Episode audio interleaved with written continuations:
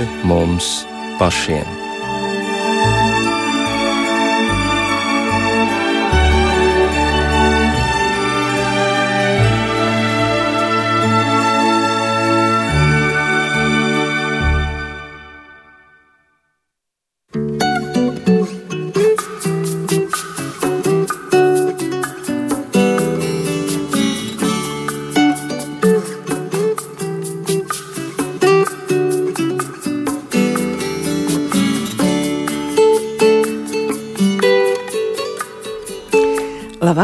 Ar jums kopā ir Inte Bružēvica.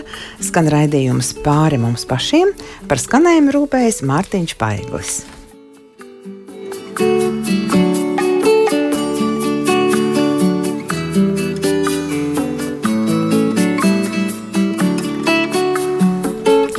Nu jau piecas dienas esam nodzīvojuši jaunajā 2020. gadā. Pārkāpjot gadu slieksni, visbiežāk viens otram vēlam laimīgu jauno gadu. Ķēniņš Salamans savā pamācībās ir mums atklājis daudz vērtīgu pārdomu arī par laimi. Kas kādu lietu gudri vada, tas atrod laimi. Tā Salamana atziņa. Kādā citā nodaļā viņš raksta, ka gudrība ir vērtīgāka pat par zeltu. Citēšu: Jo ir labāk iegūt gudrību nekā sudrabu, un tās augļi ir vērtīgāki par zeltu. Tā ir cildenāka par perlēm, un viss, ko tu varētu vēlēties, nav salīdzināms ar to. Ilgs mūžs ir pie tās labās rokas, pie kreisās rokas tā ir bagātība un gods, tās ceļi ir patīkami ceļi, un visas tās tekas pauž mieru. Tā ir dzīvības koks visiem, kas pie tās tveras, un svētlaimīgi ir tie, kas to sevī glabā. Esam jau zvaigznes dienas priekšvakarā. Tāpēc šovakar atcerēsimies arī stāstu par austrumu gudriem vīriem, kas saskatīja jaunu zvaigzni un tā viņus aizved uz Betlēmi. No kurienes viņiem nāca šī gudrība, izsakot zvaigzni? Kur vispār sākas gudrība? Meklēsim atbildes kopā ar raidījumu viesiem. Studijā ir priesteris, vikārs majors Lokas un ķemeru draugs Juris Jalinskis. Labvakar. Un Ogres Baptistu draugs mācītājs Dainis Pandars. Sveicināti!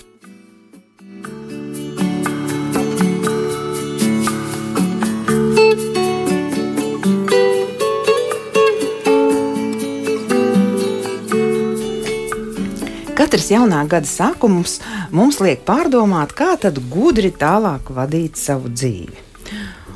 Pirms mēs runājam par austrumu gudrajiem vīriem, kas bija īpaši izglītoti, un vispār par īpaši izglītotiem cilvēkiem, kurus droši vien mēs arī pieminēsim šajā raidījumā, jo arī tā ir gudrība.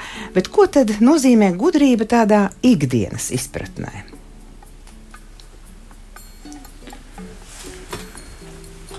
Nu, nav noslēpums, ka ik viens cilvēks e, noteikti tiecas pēc gudrības.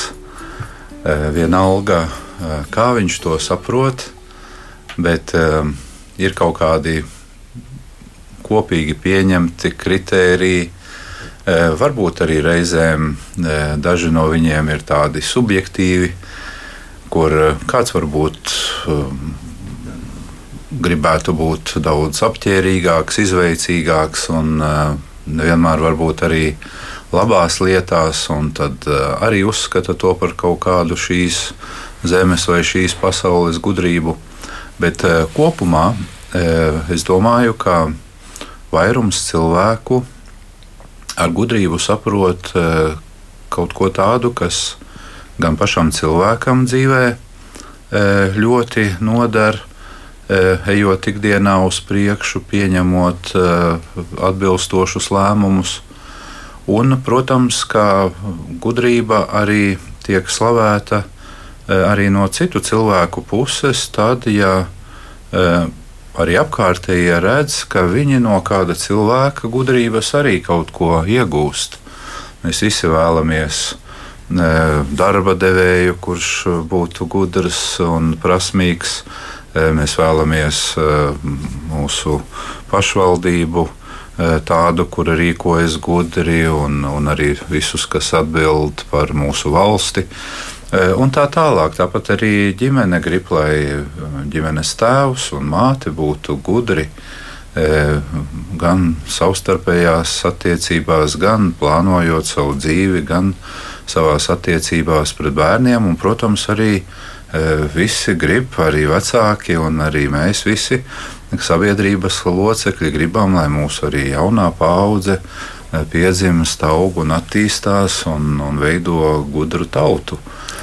Tas ir tādā, es domāju, visiem pieņemamā tādā līmenī, un, un tā pēc tam jau, kad mēs sākam sīkāk analizēt, kas tad būtu tā īstā gudrība, kur viņu jāmeklē, uz kā viņa būtu jābalsta, tad, protams, varbūt eh, jau atbilstoši katra cilvēka pārliecībai, kaut kādai dzīves pieredzei, arī filozofijai, pēc kuras viņš savu dzīvi ir iekārtojis vai kārto, tad jau cilvēki jau sāk kaut kā dalīties. Vieni varbūt liek eh, lielāku akcentu uz eh, prāta intelektu, citi saka, ka ir daudz svarīgāka šī sirds gudrība un, un tā tālāk.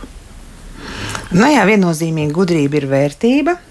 Bet tiešām, kas tad ir tā gudrība? Juri, jūs jau sākāt iezīmēt prāta intelekts vai sirds gudrība vai kādas zināšanas, kas nodotas no paudzes uz paudzes. Kāda aina jūs domājat? Gudrība varētu būt saistīta ar labu rezultātu. Teiksim, labs rezultāts ehm, teiksim, kādam risinājumam, kādam lēmumam, tad cilvēks saka, tas bija gudri darīts. Un mēs varam paskatīties, tā var būt gudrība kas attiecās varbūt uz attiecībām. Ja, gudri rīkoties, vai gudri uh, pamācīt. Uh, tas var būt arī uz konkrētu darbu, teiksim, kāds praktisks darbs, kas ir jāizdara, un tad cilvēkam ir gudrība, kā to izdarīt. Viņiem, viņiem saprašana, ka to vajag, nu, teiksim, nezinu, nu, salabot krānu vai nezinu, nomainīt jumtu, bet nav gudrības, kā, kā, kā to darīt. Uh, un, protams, tas var būt arī gudrība kā saprašana. Uh, redzēt lietas plašāk. Jo ir teikts, ka gudrība ir kaut kas, ko tu vari mācīties, tu vari augt gudrībā. Tad gudrība ir kaut kāda sava veida, ka tu arī redzi lietas. Nu, nu, teiksim, jā, plašāk, objektīvāk, nevis tā šauri un subjektīvi.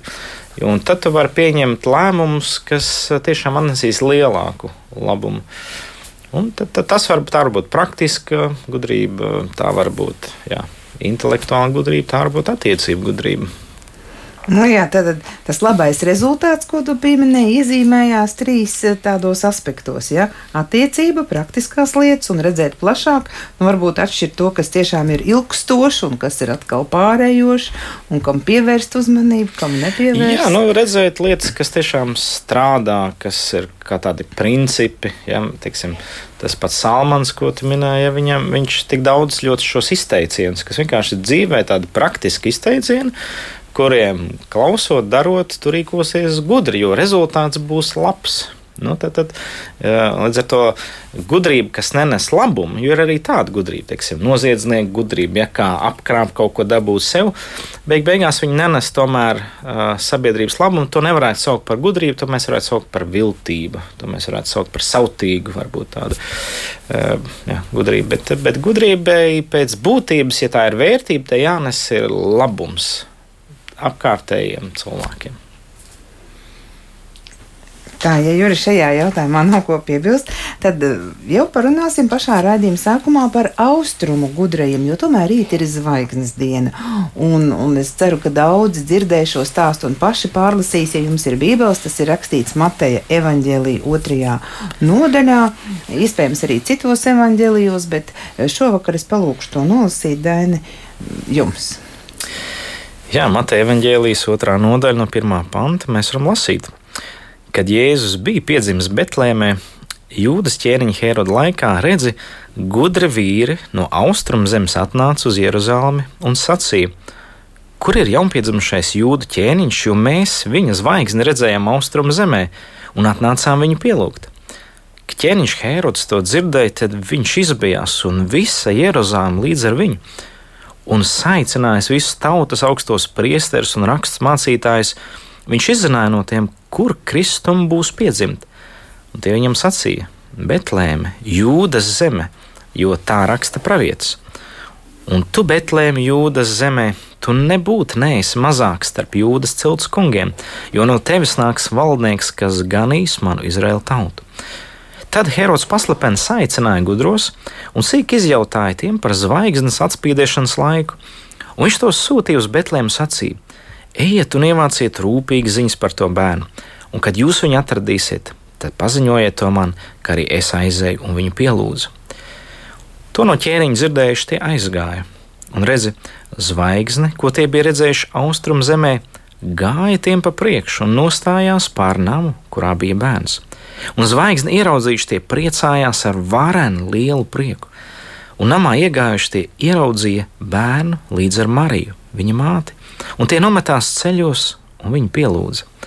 Tad tie atvēra savus mantas un dāvāja viņam zeltu, vīraku un mirres un sapnī saņēmuši norādījumu pie Hēroda neatgriezties, tie aizgāja pa citu ceļu uz savu zemi.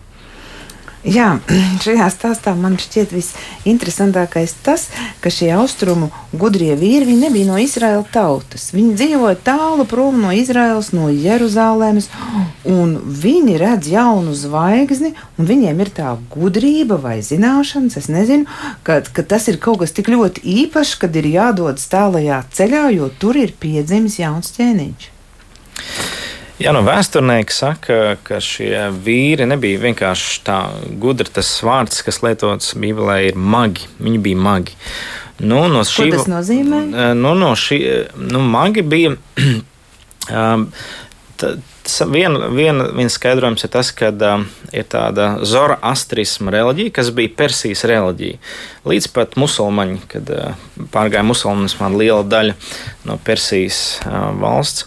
Tad, uh, un, un tur bija tāda priesteru, varētu teikt, nu, tāda dzimta, ja priesteru kārta, kurā bija šie austrumu gudrie, eh, magi, eh, kuri ne tikai eh, nu, apzinājās mm, kaut kādas politiskās lietas, bet viņi, viņi nodarbojas arī daudzām lietām, ko mēs lasām, kas austrumos raksturīts gan zilniecība, gan astronomija, gan astroloģija.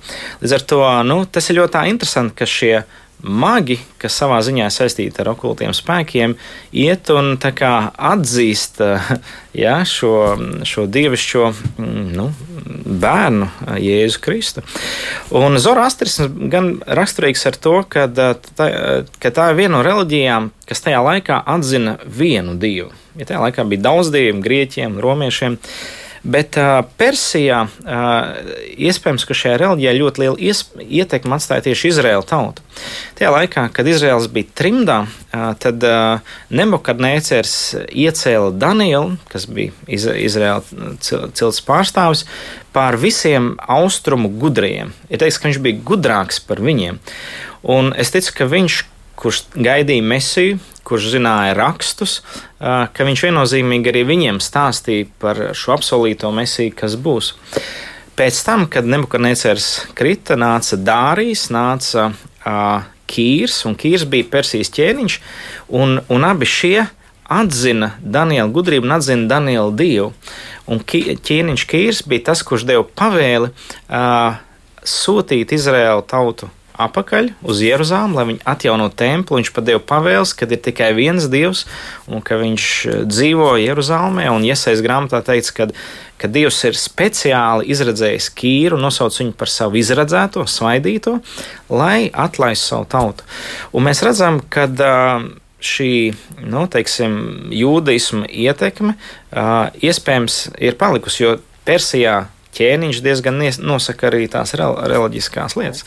Un, cer, iespējams, no turienes viņi ir dzirdējuši un saglabājuši šo informāciju, ka var nākt kāds īpašs ja, šis izredzētais ķēniņš. Un interesanti, ka romieši tajā laikā ļoti bijās no šiem austrumu magiem, jo viņiem bija visas šīs spējas, visas šīs dažādās, noteiksim, prasmes, ar ko viņi diezgan spēja ietekmēt garīgi cilvēkus. Un līdz ar to lielākie kari romiešiem tieši bija ar to tā laika tam austrumu zemēm. Un pēkšņi ierodās, un iespējams, ka tie nebija tikai trīs mēs nezinām, cik tie gudrie bija, bet viņi visdrīzāk, ja viņi dodas uz tādu vietu kā Roma, ka viņiem vajadzēja pavadīt iespējams kareivi, kareivi tūkstošiem, varbūt tūkstotis kareivi, un, un, un tas ceļojums varēja būt nu, iespējams divu mēnešu garumā. Līdz ar to tā varētu būt liela svīta. Un iedomājieties, kad nāk viņi meklēt ķēniņu zemē, kurā viņi varētu teikt, ka viņi karo. Un tas satricina Herodu, tas rada pilz, pilnīgu absurdu sajūtu. Bet te mēs redzam kādu lietu, kad, ka šie, cilvēki, ka šie austrumu gudrie, šie magi atzīst, ka uh, ir kāds, kas ir virs viņiem, viņi pielūdz, un tu pielūdz to, kas ir augstāks par tevi. Tas ir, nu, viņi redz, ka šajā Jēzu Kristu ir kaut kas, kas ir pārāks arī par viņu gudrību. Un te mēs varam redzēt, arī, ko Salmans saka, ka gudrības sākums ir dievbijība. Tā arī tāda interesanta nu, tāda lieta, ko mēs varam šajā stāstā ieraudzīt. Un vēl šajā stāstā interesanti, ja pareizāk sakot, neparasts ir arī Herods, jo uh, viņam ir rakstu mācītāji, viņam ir priesteri, un, un viņš neko nezina no rakstiem, ja, jo raksti jau pravieto par to, ka turpat, kur viņš dzīvo, var teikt, pāris soļu attālumā, nu, nu tā vienkāršojot, piedzimis uh, Dieva dēls. Nu, īstenībā šajā stāstā um, mēs redzam laikam tādu triju veidu gudrību, par kuru mēs arī šovakar runājam.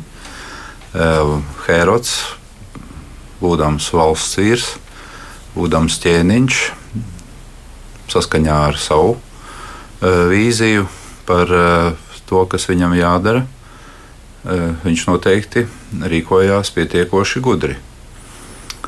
Diplomātiski viņš pieņēma šos cilvēkus Viņš parādīja nevis to kaut kādu stresu, lai gan tur tiek minēts, ka, ka visi bija satraukušies, bet viņa vārdos tie nav, tas satraukums nav manāms. Un viņš pat saka, laipni, kad lūk, aizejiet, pasveiciniet apmēram no manis, un, un pēc tam jau pastāstīsiet, lai arī es vēlāk varu to pašu izdarīt un, un apmeklēt šo, šo jaundzimušo Un, jā, es domāju, ka eh, garīgi lasot eh, šo Hēroda nostāju, eh, mēs, protams, no vienas puses tiešām varam pateikt, ka, ka cilvēks nu, nav pavisam tāds, kurš, kurš nav gudrs, bet tā viņa gudrība. Varbūt pat iespējams, ka viņš meklēja arī kaut kādu attaisnojumu, ka viņš to dara E, to, ko viņš arī vēl sevišķi vēlāk izdarīja, e, pavēlēdams nogalināt visus jaundzimušos. Varbūt viņš arī sev mēģināja iestāstīt, ka to viņš dara visas tautas labā, lai saglabātu mieru, lai, lai būtu saka, kārtība viņa e, padotajā zemē un tā tālāk.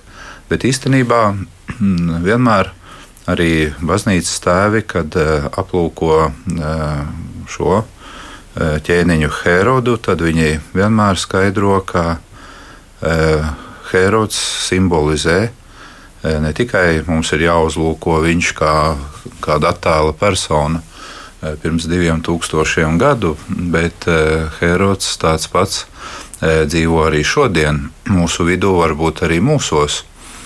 Un, tas ir tāds cilvēks, kurš ir pilnībā eh, koncentrējis visu uzmanību tikai un vienīgi uz sevi. Un, eh, ja piepieši kaut kas parādās dzīves ceļā, kas viņu sāk mazliet izsist no vietas, tad īstenībā viņš daudz nemēģina par to domāt, kā vienkārši radikāli atrisināt jautājumu saknē. Jā, ir, ir eh, momentā viss eh, jārīkojas, ir jāizskauž eh, šī problēma, lai es varu palikt ērti tajā stāvoklī, kurā es pašreiz atrodos. Un no ticības viedokļa, protams, ka šāds stāvoklis arī piemīt daudziem cilvēkiem, kuriem ir pilnīgi jau par visu, visu skaidrs, Viņi ir pilnīgi pārliecināti, ka viņi ļoti labi visu zina, un pat nepielaiž nekādu domu, kas varētu sašūpot šo kaut kādu jaunu ziņu kaut ko ienest viņa dzīvē, kādu jaunu, jaunu vēsmu, un tādā veidā varbūt arī pamainīt kaut kur vēl labāk, padarīt savu dzīvi nekā tā ir bijusi līdz šim. Bet vēl ir, protams, lai ne, nepaskrien mums garām, arī jau tie paši pieminētie rakstu zinātāji, augstie priesteri. Un es domāju, ka šādu cilvēku kategorija varbūt pat ir vēl vairāk izplatīta, jo mēdz būt arī garīdznieku un ticīgo cilvēku vidū tādi cilvēki, kuri e, no svētos rakstus gandrīz varbūt pat no galvas var, var citēt.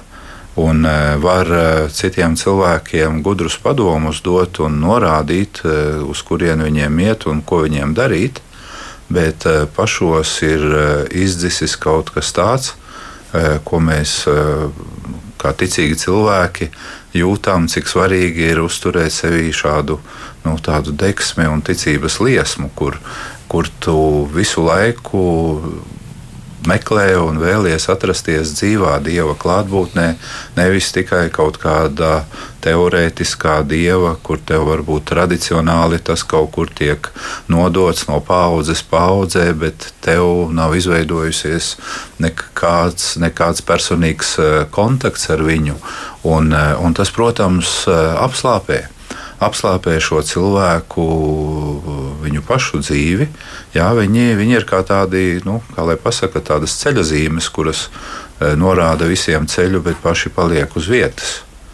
Ja, un, un trešā gudrība, e, ko mēs šajā stāstā redzam, tā, protams, e, ar lielo burtu ir rakstāma, ja, un kā arī saucam šos austrumu gudros, ka lūk, viņi piepilda pilnīgi visu to, kas e, nu, cilvēkā, e, kāda interese viņā var rasties. Jā, sākumā viņi tā tad būdami no pagānu ļaudīm, viņiem vēl nekas nav zināms par vienīgo dievu. Izņemot to, ka, kā jau šeit minēja Dainis, ka jā, viņiem viņu pagānu reliģija runāja par, par ticību kādam vienam dievam, bet, eh, bet eh, protams, viņi vēl nebija, nebija tā iepazinuši pilnībā eh, Izraēlu dievu. Un, un tad viņi redzam, ka īstenībā nonāk pie, pie apziņas par kaut ko, kas varētu viņus vēl vairāk ieinteresēt un aizpildīt to, pēc kā viņi sirdī ilgojās jā, tad viņi pie tā nonāk eh, caur šo dabas vērošanu, caur, caur to, ka viņi paskatās mazliet augstāk nekā nu, tā ikdiena eh, tev liek to darīt. Jā, kur ir visādas rūpes, kur ir ierastās lietas, jā, viņi visu laiku jūtas kā tādi, kuriem ar to nepietiek, ko viņi ir sasnieguši. Un tad, kad viņi kaut ko interesantu ierauga, šeit atkal atšķirībā no rakstu zinātājiem viņa nepaliek uz vietas. Tagad uh, apsēdīsimies pie viena skaista galda un prātosim, ko tas varētu nozīmēt. Jā, tā mēs runāsim, un tāpat arī sēdot paliksim. Nē, viņi ceļās, neskatoties uz, uz tālo ceļu un tā, un, un dodas. Jā, dodas pat īsti vēl nezinot, kur. Jā, īstenībā šeit jau velkam paralēlis ar, ar Bībeles eh, to Abrahama aicinājumu, tad viņi ir ļoti līdzīgi. Jā, Dievs arī, eh, kad uzrunāja Abrahamu, arī viņu aicināja celies ej, bet uz kurieni vēl es tev nepateikšu. Jā, tas lūk, ir brīnišķīgs simbols katra cilvēka ticības ceļam, pa kuru, pa kuru mēs īstenībā visi tiekam aicināti iet. Tātad tā varētu būt zvaigznes dienas atslēga, Jur, ko jūs stāstījāt. Tātad tā ir jauna ziņa, jauna zvaigzne. Saņemot šo ziņu, neuztvert kā tādu šķērsli, kas man tagad nobloķē dzīvi un aizskaitina, bet eh, doties tālāk. Un kā austrumu gudrie viņi, kad nonāca tur pie tā mērķa, viņi priecājās ar varenu lielu prieku. Un es domāju, arī katrs, kas, kas sekos, arī piedzīvo šo prieku. Savu skanējumu turpina raidījums pāri mums pašiem. Tā kā rīt ir zvaigznes diena, un zvaigznes dienā mēs runājam par austrumu gudrējiem, tad šovakar mēs domājam par gudrību. Kur sākas gudrība? Studijā ir priesteris Vikārs Majors Lokas un ķemeru draudzējs Juris Jelinskis un Ogres Baptistu draugs mācītājs Dainis Panders. Mēs jau raidījuma pirmajā daļā esam domājuši par to, kas tad ir gudrība. Vai tā ir prāta intelekts, vai tā ir sirds gudrība, vai tā ir kaut kas iedzimts, ko mēs pārmantojam no mūsu senčiem. Un te kolēģis minēja, ka gudrība tas ir labs rezultāts. Labs rezultāts, kas ir vērsts gan uz attiecībām, gan uz praktiskām lietām, gan vispār uz tādu plašāku eh, redzējumu. Un gudrībai noteikti ir jānes labums, to teica mācītāji. Un um, domājot par austrumu gudrajiem, ir svarīgi, ja mēs saņemam jaunu ziņu. Tad paskatīties uz to no pozitīvās puses, un iespējams, ka tā ir kāda atslēga, kas mums tiek dota, lai mēs ietu tālāk un kaut ko, kaut ko ieraudzītu augstāk un kaut ko sev atklātu. Un, proti, ļoti svarīgs ir personīgs kontakts ar Dievu, um, jo nu, tikai tā mēs nonākam pie paša augstākā, kas ir visas gudrības avots. Jā, tad, nu, kur, tad, eh, kur tad gudrība sākas? Ja? Nu, nu, sākums ir, kā jūs jau minējāt, eh, citējot Salamanu un arī tos saka ķēniņš Dāvids, abi divi ķēniņi, ja tā ir dieva bijāšana vai dievbijība. Nu, tad kā, kā tad to iegūt, ja tā ir augstākā gudrība? Jā, nu, gudrības sākums ir, varētu teikt, tā pazemība. Arī Salmans saka, kur nāk lepnība, tur nāk arī negods, bet gudrība mīt pazemīgajos. Un ka gudrība mīt tajos, kuri ļauj sev dot kādu padomu. Tad, tad ja es gribu nu, gudrība kaut kas, mēs, kurā mēs varam augt un mācīties. Un, ja cilvēks ir pazemīgs, tad viņš ir pazemīgs tāds, kas atzīst, ka viņš visu nezina, visu nesaprot. Un viņš ir atvērts mācīties un saprast lietas. Un, un, bet, ja cilvēks uzskata, ka viņš ir nu, pats gudrākais, ja, tad, tad, viņam ir problēma. Viņš pārstāja mācīties, viņš degradējas. Um, bet cilvēks, kurš atzīst, ka ir Dievs, pār kur, kuram viss ir gudrība, tad tas viņa sirdī padara pazemīgu visu laiku.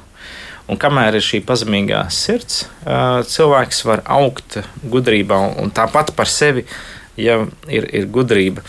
Un, jā, Salmans citur saka, ka tā kunga bijāšana ir mācības ceļš, kā kļūt pie gudrības. Un pazemība ved godā. Tad, tad viss atkarīgs no cilvēka sirds attieksmes.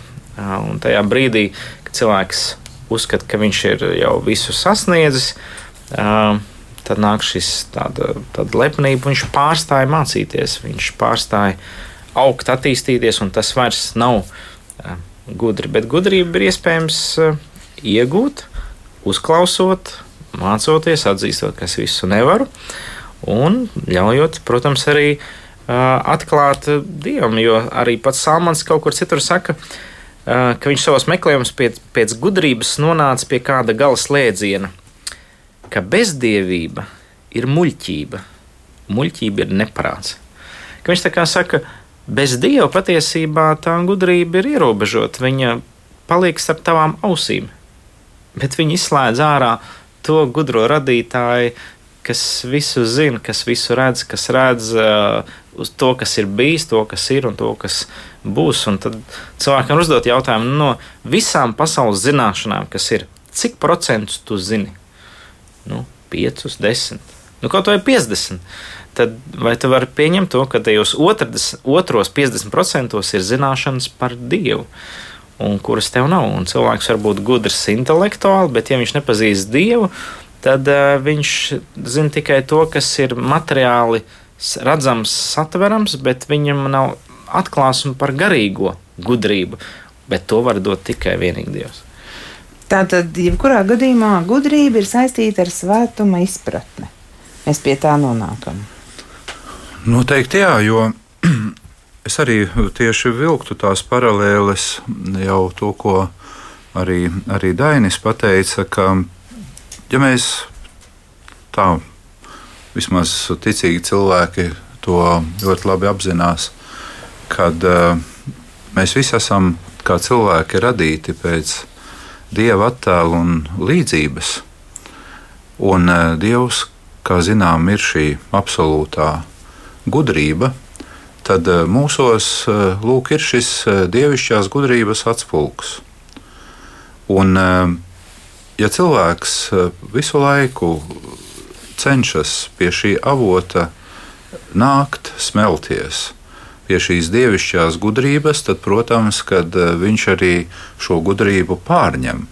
Un pārņem tādā, nu, teiksim, varbūt varētu teikt, tādā absolūtā veidā eh, to gudrību, ko, eh, ko mēs varbūt pat savādāk arī nevaram noformulēt kā dievišķo gudrību, kura, protams, iet roku rokā arī ar cilvēkam tik ļoti nepieciešamo gudrību. Bet šeit, protams, būsim uzmanīgi. Jā, jo,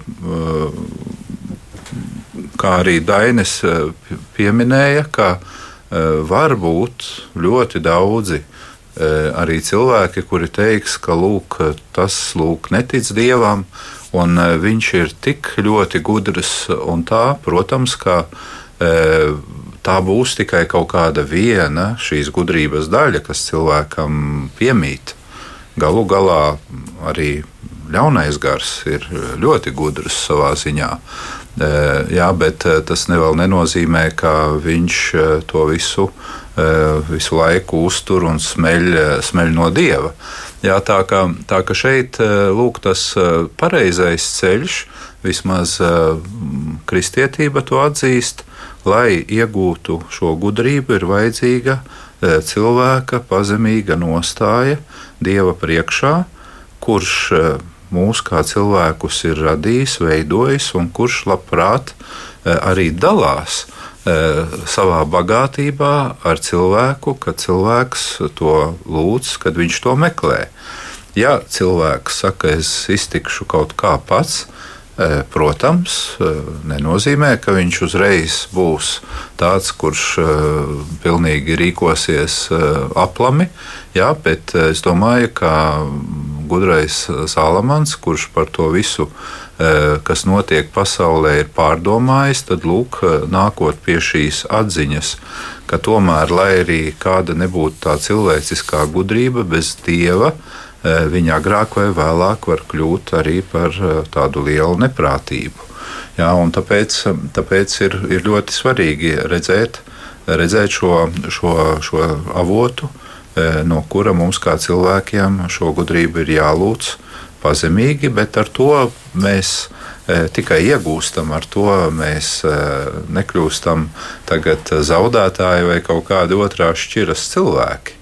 Tur jau ir tā tā saprātīgā pieeja. Un šeit man liekas, pie reizes vēl gribētos arī pateikt to, cik ļoti liela nozīme šajos gudrības meklējumos ir arī mūsu ģimenēm, kurās mēs piedzimstam, kurās mēs mācāmies, kurā, kur mēs kaut ko nododam nākamajām paudzēm. Jo, redziet, īstenībā cilvēka dzīve ir gaužām e, īsa. Un, e, ja katrs cilvēks e, piedzimst, aug, attīstās un pilnīgi visu sāk no nulles, no baltas lapas, tad es domāju, ka tas ir milzīgs zaudējums cilvēkam, kad viņš jau nesaņem no bērnības šo pareizo pieeju, kādā virzienā man dzīvē gudrība būtu jāmeklē. Mums ir zināmi ļoti daudzi cilvēki, mums kā garīdzniekiem, kur, kur cilvēks nodzīvo visu mūžu un visu laiku viņš kaut ko meklē un nekādīgi nevar atrast, jo, jo ģimene nav viņu ievirzījusi pareizi, sabiedrība, kurā viņš dzīvo, uzturās, tur ir tik daudz neskaitāmu piedāvājumu, un tā cilvēks visu laiku kaut ko dara, ir saprātīgs, gudrs, mēs varētu teikt, cilvēcīgi, bet iekšēji savā sirdī viņš jūt, ka viņš vēl patiesību nav atradis. Jūs pieminējāt to eh, cilvēcīgo gudrību. Tā jau arī ir no dieva dota, jo prāts jau arī mums ir nu, radītāja dots. Bet te laikam tas, kā mēs pret ko attiecamies, jo nu, arī neatceros, kurš to raksta, bet, bet Bībelē rakstīts, paļaujies uz to kungu no visas sirds un nepaļaujies uz savu prāta gudrību. Tā tad tas um, attieksmes moments, uz ko tad mēs eh, paļaujamies. Nu, bet es gribu pasvītrot to, ka prāta gudrība, protams, arī ir laba lieta un, un mums uh, ir jāizglītojas un jāiegūst zināšanas. No vienas puses jau gudrība ir arī Eh, dievišķi, kā dievs rīkotos, un tad arī kā cilvēks rīkotos. Un, lai mēs saprastu, kā dievs rīkotos, mums gudrībai jāatnāk kā atklāsmei. Eh, un ir Bībelē teikts, ka eh, teiksim, Salmanam dievs deva gudrību un dziļu izpratni. Jā, citur ir teikts, ka Jozovā bija pilns gudrības gara, Jā, jo Mozus bija uzlicis savas rokas uz viņu, tad tas kungs deva gudrību kā dāvanu. Ja citur teiks, ka dieva gars dod gudrības runību, gudrības vārdus, ko teikt. Tas nozīmē, ka gudrība nākt arī kā atklāsme, kā, kā dievišķā gudrība. Un interesanti, ka ir teikts, ka Dievs visu šo gudrību, ko viņš ir gribējis, lai mēs iegūstam, mums jau ir devis. Kur tad viņš ir devis? Nu, kolosiešiem 2.3 teikts, ka kad Kristu apslēptas visas gudrības un atziņas bagātības. Un tas ir, ka šajā mazajā bērnā, pie kur nāk austrumu gudrie, ir teikts, ir paslēpts visa dievišķā gudrība. Kā tā gudrība? Ka mēs bez savām pūlēm tiekam apžēloti, mūsu grēki var tikt piedoti, un mēs varam nonākt pie Dieva, kurš ir gudrības sākums. Un patiesībā mm, tas ir grūti aprakstīt, kā Dievs kļūst par cilvēku, un viņš nomirst pie krusta, kas uh, grieķiem un jūdiem ir piedauzība. Bet Dieva acīs tā ir gudrība. Tas ir ceļš, kā mēs varam visi iegūt glābšanu mūsu dvēselē, un, un tā ir dievišķa gudrība. Un ar to problēma ir atkal tas pats lepnums. Uh, lai mēs saņemtu šo dievišķo gudrību, Kristu, uh, viņa glābšanu, uh, Mums jāpazemojas, jo tā ir kā, kā dāvana. Ir tādas dāvanas, kuras mūsu lepnumu noēda. Pieņemsim, mums uzdāvina grāmatu, kā nomest svaru. Man ir jāatzīst, ka man ir problēmas ar svaru, lai es šo grāmatu ar prieku pieņemtu. Tāpat arī, kad man saka, nu, reku, Jēzus Kristus glābējs, man jāatzīst, laikam man ir vajadzīgs glābējs, ar manu gudrību nepietiek. Un tā ir dāvana, kas nu, manu to lepnumu deldē, lai es viņu vispār pieņemtu. Nu, un, un tā ir dievišķa gudrība, kā uzvarēt mūsu lepnumu. Jo mūsu grēks ir atrasināts, bet mūsu lepnuma problēma atrasina tas, ka mēs atzīstam, mēs sevi nevaram izglābt. Kristus tāpēc ir nācis. Un tā arī ir zvaigznes diena, jo zvaigzne austrumu gudriem norādīja nevis uz lielāku gudrību, bet uz Kristu, kas ir visas gudrības pilnums. Jā, un es vēl gribētu sasaistīt to, ka arī kā Rinta te jautāja, kā to gudrību atšķirt, kurā būtu tā, tā īstā, vai, vai kā mums varbūt eh, vajadzētu arī sevi eh, mēģināt analizēt, eh, kādā virzienā iet mūsu katra individuālā gudrība, tad man šķiet, ka ir ļoti svarīgi neizcelt tikai šo vienu gudrību pašu par sevi, bet uh, ka viņai ir jābūt ciešā saiknē arī ar mīlestību. Uh, un uh, šeit man liekas, ka tāds uh, apkopojums uh, tam visam ir uh, atrodams jau daudziem zināmajā uh, apstuļa Pāvila pirmajā vēstulē korintiešiem, kur tiek uzskaitītas visas zināšanas un visas gudrības, kas vienam cilvēkam var būt bez mīlestības. Viņa Pāvils pilnīgi to pielīdzina nulē. Jā, un te lūk arī mēs redzam, ka Dievs ir gan arī Bībelē teikts, ka viņš ir šī absolūtā gudrība, un par Dievu ir arī teikts, ka viņš ir mīlestība. Un, un tāpēc arī mūsu gudrībai, kā atskaites punkts, vienmēr būs šī mīlestība gan uz Dievu, gan arī uz līdzcilvēku. Tad tā gudrība, nu, ja tā var teikt, iesēžās savā pareizajā gultnē. Bez šīs mīlestības gudrība var reizēm arī, arī cilvēku ļoti tālu aizvest no patiesības.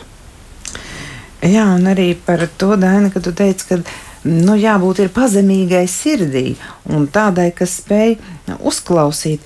Jo es domāju par tām mūsu domām, vai ne? Kā arī uh, Juris pieminēja korintiešiem, vēstuli korintiešiem, tur arī rakstīts, ka Dievs pazīst gudro domas un ka tās ir tukšas. Ja, ja es pareizi to rakstu vietu atceros, ka tas ir tur, bet katrā ziņā tā, tāda rakstu vieta ir tukšas. Un es domāju, tad, ja mums tā pazemīgā sirds, tad domas iegūs citu dziļumu un citu, citu vispār virzību. Jā, Dievs pazīst domas. Es negribētu būt ar tukšām domām. Ja? Jā, nu doma, katra doma pamudina konkrētu rīcību. Un, ja šīs rīcības rezultātā neatnāk labums, tad tā nebija gudra doma. tad mēs atkal varam skatīties uz augļiem. Ja? Un, ja, un ir reizes tiešām, ka cilvēks ir ļoti gudrs intelektuāls, bet viņam neveicas attiecībās. Viņš nezina, kā teiksim, nezina, nu, to, to otru personību ja, uzrunāt. Kamēr vieglākā gudrība ir nu, aizēj samīļo, nu, parāda mīlestību. Tas būs gudrākais nekā viss tavs doktora disertācijas, ko tu izstāstīsi tam cilvēkam. Un, un kādreiz tā gudrība var būt tik ļoti vienkārša, ģeniāli vienkārša. Un, Un tas vienkārši sapratne, kā vajadzētu rīkoties. Nereti, un, un tās mums trūkst. Bībelē saka, ja trūkst, mēs varam lūgt no Dieva, un Dievs var dot tādu gudrību. Nu, jā, tur ir apstiprinājums, ka viņš dos nevienam nepārmestams. Nu, nu, tā, jā. Ko tu muļķis man prasa? Tā viņš, jā, nav, viņš saka, vajag labprāt padalīšos. Dievs nav egoistisks. Un vēl raidījuma noslēgumā par mm, šo gadu. Kā tad tālāk dzīvosim? Man patīk 90. psalms, 12. pants. Tur Dāvids raksta tā māci mums mūsu dienas tā skaitīt, ka gudru sirdi e, dabūnam. Nu, kā, kā tās dienas tad mums ir jāskaita, rezumējot šī gada dienas, ja? ņemsim šo, šo gadu kā nogriezni, lai mēs dabūtu gudru sirdi. Jā, nu, viena no lietām ir e, tiešām vērot to laiku, domāt par to, jo, jo ir teikts, ka uh, ja, ka muļķis iet prieka ja, namā, prieka vietā, bet gudrais iet sēru namā. Jo tur viņš mācās par savas dzīves nu, nobeigumu, noslēgumu. Un cilvēks, kas nedomā par nāvi, kurš nedomā par to, kas būs pēc nāves, kurš vienkārši šīs lietas met ārā, tas ir bezprātis. Viņš var sakrāt miljonus, bet aiziet pazušanā. Un tā ir visneiedzīgākā, bezprātīgākā dzīve. Tas gudrākais ir domāt, vai šajā gadā es varu, varu saka, atzīt to, kas ir visu radījis, atzīt Dievu, pieņemt viņu un skatīties uz tām dienām ar nopietnību, skaitīt mani. Tojas mans nāves brīdis. Nu, mēs nezinām, cik viņš ir, bet apzināties, ka tas pienāks un ir gudri jau šodien sakārtot savas attiecības ar Dievu. Tā ir visgudrākais lēmums, ko šajā gadā cilvēks varētu pieņemt, ja viņš nav izlīdzinājies ar Dievu. Un Dievs jau nepārmestams piedod mūsu grēkus un pieņem mūs, bet tas ceļš ir Jēzus Kristus. Un es domāju, ka tas svarīgākais ir vērot to laiku, saprast, ka šīs dienas ir īsas. Un, un, un, un, un tas ir tāds no vienas skatījuma, tur varbūt cits skaidrojums, ja? bet nu, neskriet vienkārši nedomāt par šo pasauli. Pievērst uzmanību, apstāties un ļaut šiem dziļiem jautājumiem man dvēseli nu, teiksim, pamudināt meklēt savu radītāju. Nu, tas būtu no manas puses novēlējums. Es savukārt gribētu arī novēlēt visiem būt gudriem. Un gudriem pēc šo triju eh, austrumu vīru piemēra. viņu gudrība iesākās kā ļoti daudziem, arī mūsdienu cilvēkiem, vērojot, skatoties, domājot, lasot, sarunājoties. Un, protams, ar to jau viņi ieguva savā ziņā šo titulu būt par gudrajiem no austrumiem, bet viņi nepazaudēja arī šo skaisto titulu. Būt par gudriem cilvēkiem, kad viņi meklēja, nonāca pie dieva un vienkārši kā lai arī pieauguši cilvēki, gudri cilvēki, bet bija gatavi dieva priekšā izdarīt to, ko mēs Bībelē sakām, kā pielūgsme, kā dievu atzīt, kā dievu un nebaidīties no, no šāda soļa jo tas nevis mazina, bet tikai pavairo cilvēkā gudrību. To es arī novēlu gan sev, gan visiem. Un tā gudrība mums visiem ir nepieciešama. Kāpēc vēl atceroties to, ko runājam, lai mēs redzētu plašāk, kā Dēns teica, ar dievu acīm pasauli, lai redzētu?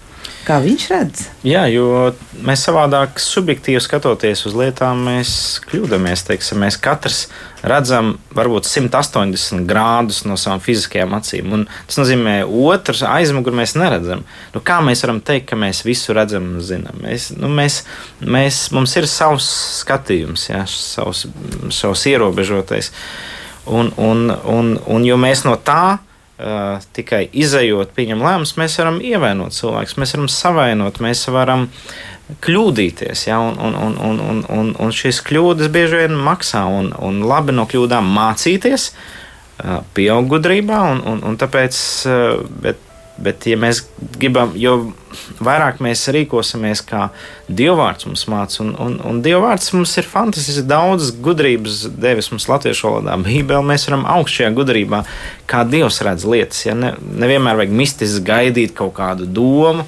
Ņem, lasi Bībeli, ņem, studē un, un iegūst šo gudrību. Tu vari izdarīt lēmumus savā dzīvē, kas vienkārši būs gudri, par kuriem saka, Dievs saka, Tie tas ir gudri.